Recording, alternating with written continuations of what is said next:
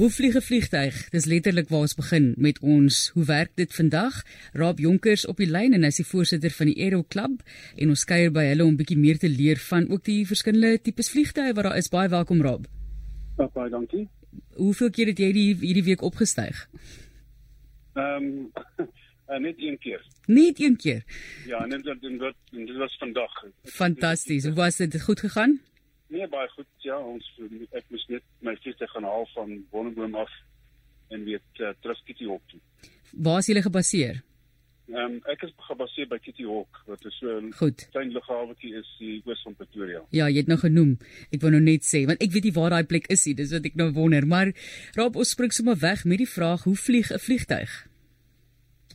'n Vliegtyg het, het natuurlik 'n vlerk en die vlerk het 'n vorm, ehm um, en you know, die vorm is soort van 'n boggelvorm en dan soos jy die aanvalshoek uh verstel dat ehm um, jy weet dat hy meer uh groter aanvalshoek in die lug het uh, jy dan kry 'n mens meer uh lift soos hulle dit noem.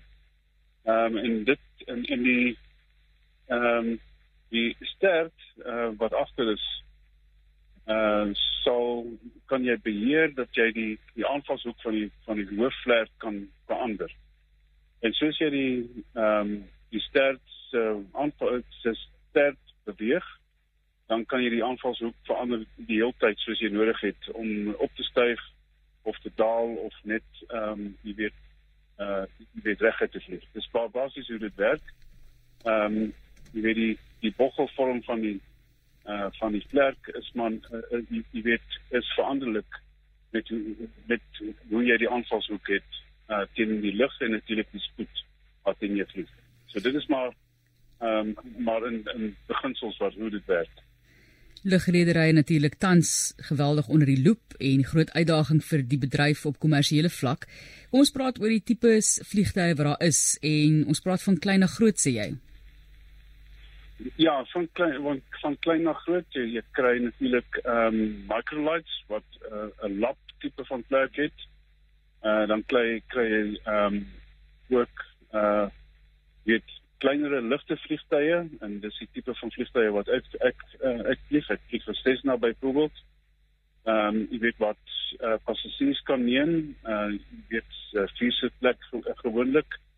Ehm um, en dan kry jy natuurlik ehm um, vliegtye wat groter as dit is uh, vir uh kommersiële ehm um, uh, in die kommersiële gebied wat 6 of 8 of uh, of groter is gewoonlik het hulle twee met twee engines ehm um, om dat hulle uh daardie van vliegtye kan langer of verder vlieg.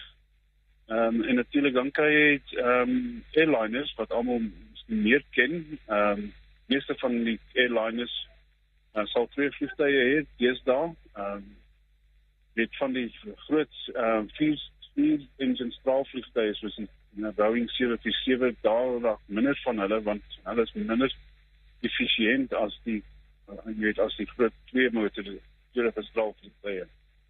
En natuurlik ook dan jy kry ook uh, militêre vliegtye. Dis nou die straalers. Ehm um, wat ehm um, weet wat uh, bodies van klank kan uh, kan vlieg. Ja.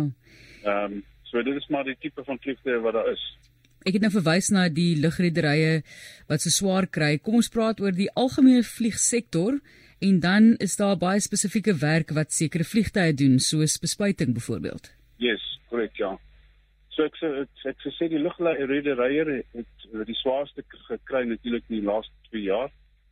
Ehm um, en die sê die algemene die algemene vliegtuie ehm um, wat ehm um, of vir plesier of vir werk uh, aangewend word, sou ek sê het minder swaar gekry. Ehm um, maar die vliegtuie wat werk doen, ehm um, is meestal in die uh in die boerdery omgewing. Uh, hulle doen bespuiting. Ehm um, hulle doen ook ehm um, sekuriteit uh, van hulle van lande. Ehm um, jy weet hulle vlieg daaroor om te kyk dat ehm um, uh dat hulle lande nog goed is duining inspeksie en so aan. Jy kry ook uh, vliegtye wat uh wat surveying doen. Ehm uh, hulle sal vlieg met kameras uh of met ehm um, met met toerusting wat ehm um, hoogtes kan meet. Ehm um, en die die vorm van die grond kan kyk. Hulle doen ook magnetiese magnetiese surveys om te kyk wat is miskien onder die grond vir uh jy weet vir ehm um, vir myn beses. Ehm um, jy sien daar's baie van daai tipe van vliegtuie wat ehm um, wat sulke werk doen. Uh en dis daar ehm um, is natuurlik ook drones ehm um, wat van die werk wat vliegtuie altyd gedoen het ehm um, dit dit begin ook nou in tree. Uh maar dit is meestal kort afstand uh, tipe van vlugte. Uh so dit is maar basies wat wat gebeur in die algemene vliegtuigsektor uh wat werk uh, wat werkende vliegtuie aanbetref. Ons gesels oor vliegtye, hoe hulle vlieg. Hy het dit nou vir ons baie mooi verduidelik. Ek weet die wetenskap daar agter raak 'n bietjie meer gekompliseer. Nuwe tegnologie natuurlik moet daar altyd gekyk na word na nuwe tegnologie soos ook byvoorbeeld eh, brandstof, ander forme van brandstof te gebruik want ons baie kritiek natuurlik op hierdie bedryf vir ja. besoedeling en daai tipe van dinge. So jy praat ook van elektriese aandrywing, urban air mobility is die woord wat jy gebruik? Yes, korrek, ja. So Ehm um, daar's eintlik 'n groot dryfkrag om meer eco-friendly te wees soos hulle dit noem. Ehm uh, so uh, meeste van die algemene vliegtye het nog engine tegnologie wat van die 40e jare afkom wat nie veel verander het is nie want die die sertifiseringsbasislyn van daai tipe engines ehm um, is moeilik om aan te raak want die van van die kompleksiteit en die koste daarvan. Ehm um, so daar is ehm um, uh, die die die tipe van petrol wat gebruik word in die in die piston aangedrewe vliegtuigomgewing is meestal wat hulle noem F-gas LL wat low lead beteken, maar is nog steeds lood in die in die fuel. So daar's groot aanspraak om daai eh, tipe van fuel te te vervang met uh met unleaded soos nou reggekom is met met voertuie. So dit omtrent al ons voertuie nou deesdae is unleaded. Ehm um, maar in die vierde bedryf is dit is daar nog 'n uh, nog lead of lood ehm um, nog betrokke daar. So daar's baie werk uh, nou aan die gang om uh, unleaded opsies te te ontwikkel. En dit is al dit baie jare aan die gang. Dit sê dekades wat al aan die gang is. Ehm um, en natuurlik in die straler omgewing ehm um, is is die uh petrol daarson nog baie gebaseer op uh olie uh wat jy weet gewone olie en daar's nou eco uh friendly tipe van uh fuels wat nou uh ontwikkel word vanuit um renewable uh omgewing uit so dis sonnebrom um tipe van olies so daar is baie werk wat nou daar nou gebeur om um, sertifisering van sulke tipe van um, fuels nou aan die gang te kry. En dan is natuurlik um, net soos in die die voertuigomgewing waar daar elektriese aandrywing nou plaasvind en regtig begin ehm um, net goed posvat is daar al klare begin in die in die lugbedryf om dit ook te kan doen. Ehm um, die die groot probleem is eintlik die ehm um, ryk afstand van batterykrag wat wat nou kan gebeur is maar nog steeds baie min. Uh so maar dit daar is soos die battery tegnologie en uh jy weet ontwikkel sal dit meer en meer raak. Ehm um, en uh en jy kan sien meer tegnologie verbonde is wat wat jy nou ook genoem het urban air mobility uh, UAMs, ehm um, jy weet dis air taxis, uh Uber Air en sulke goed word nou ehm um, word nou daarvan sprake uh, kom te sprake nou. So dis maar kort afstand ehm um, aktiwiteite uh waar die enkelike uh amper gesê 'n pod waar jy kan inklim.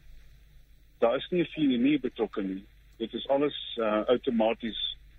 Uh, jy klim in 'n in 'n uh dit in 'n klein uh flight mo uh, mobiel en dan word dit outomaties van een plek na ander ehm um, kan jy vlieg.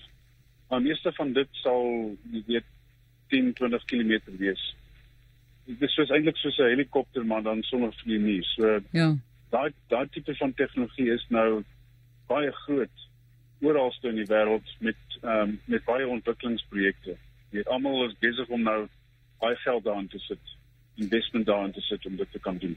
Baie bly daar word geld ingesit want soos ons nou hoor, jy weet kom e wat nou gelikwideer word blykbaar en dan ontstaan die vraag is daar nog werksgeleenthede in die algemene vliegsektor?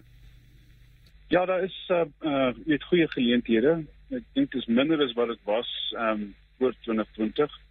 Maar ek dink dat die algemene sektor begin nou weer uh, op dreef kom. Uh so daar is werksgeleenthede. Ehm um, weet uh, een van die groot probleme wat ons sal wel ehm um, uh, probleme hê is die uh is die opleidings van uh jy weet van ehm um, mense wat met ehm um, uh, onderhoud doen of uh, bouwerk moet doen. So dit is een van ons grootste probleme nou deesdae. Maar ek glo daai sal ook binne of wat sal jy weet skole weer aan die gang kom om om mense op te lei. Want uh ons het wel uh jy weet jong mense opleiding nodig.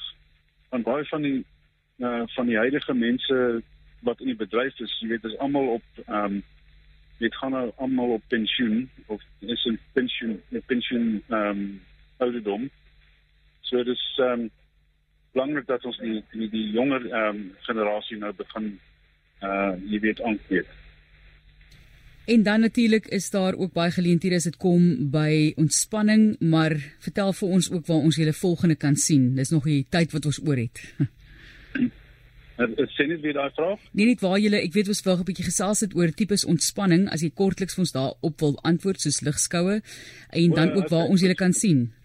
Ja, so ehm um, in die sektor wat ek uh, redelik baie betrokke nou is is die uh is die Aero Club. Ons is 'n uh dit is 'n ehm um, dis 'n klub wat nou 'n kombinasie van alle sporttipe van uh vliegtye uh, as 'n as 'n samendromming het. So daar is uh vliegtye wat uh lufskou, die lufskou kan doen. Daar is uh uh vliegtye wat jy navigasie presies in rallies kan doen. Jy weet daar's ook ehm um, wat ons noem air racing wat kan gebeur.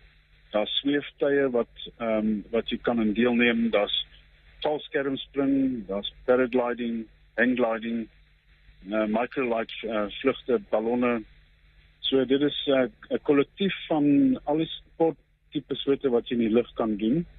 So ehm um, baie van wat ons uh weet ons noem dit maar seksies van die Aero Club wat 'n spesiale spesialiteit het uh in hulle in hulle tipe van sport. Ehm um, jy weet hulle het kompetisies wêreld uh, uh ja, landwyd en natuurlik ons deel mee, deel ook neem in kompetisies uh, op wêreldstandaard. Ehm um, waar ons waar ons deelneem uh weet oorsee of ons hou hierso ook wêreldkampioenskappe uh van die verskillende sporttipes. Fantasties. En mense kan julle expo ook bywoon. Dit is van 7 tot 9 Julie. Ja, so daar's 'n um, Aero um, expo wat uh, nou in Julie nou plaasvind. En dis basies 'n samendromming van alle algemene uh, weet lug lugvaart weet van uh jy weet corporate tipe van uh lugvaart tot by sport uh, jy weet lugvaart van klein na redelik groot. Nou net nie in die ek sou nie sê dit sal in die um, airliner bedryf wees nie maar dit sal al, alles in die algemene sektor wees wat ehm um, by hierdie skou sal wees. En ehm um, jy weet dit is net goed om al die uh, die verskillende uh, maatskappye wat uh, jy weet hulle uh tipe tegnologie of hulle uh wat hulle aanbied in terme van jy weet vir die vir die algemene vliegtuigsektor. Dit is uh, is goed om uh, om weer by mekaar te kom om net te sien wat doen almal. Ehm um, en dit is 'n uh, goeie geleentheid om besigheid te doen. En natuurlik ehm um, dit sal ek sou sê dit sal baie goed afloop want ek dink almal is honger om ten minste weer uit te kom. Uh jy weet om uh weet om met uh, met almal in 'n aanraking te kom. Ons is ons het dit laas gedoen in 2019 en is nou 3 jaar verder. So dit sal dit sal seker goed wees.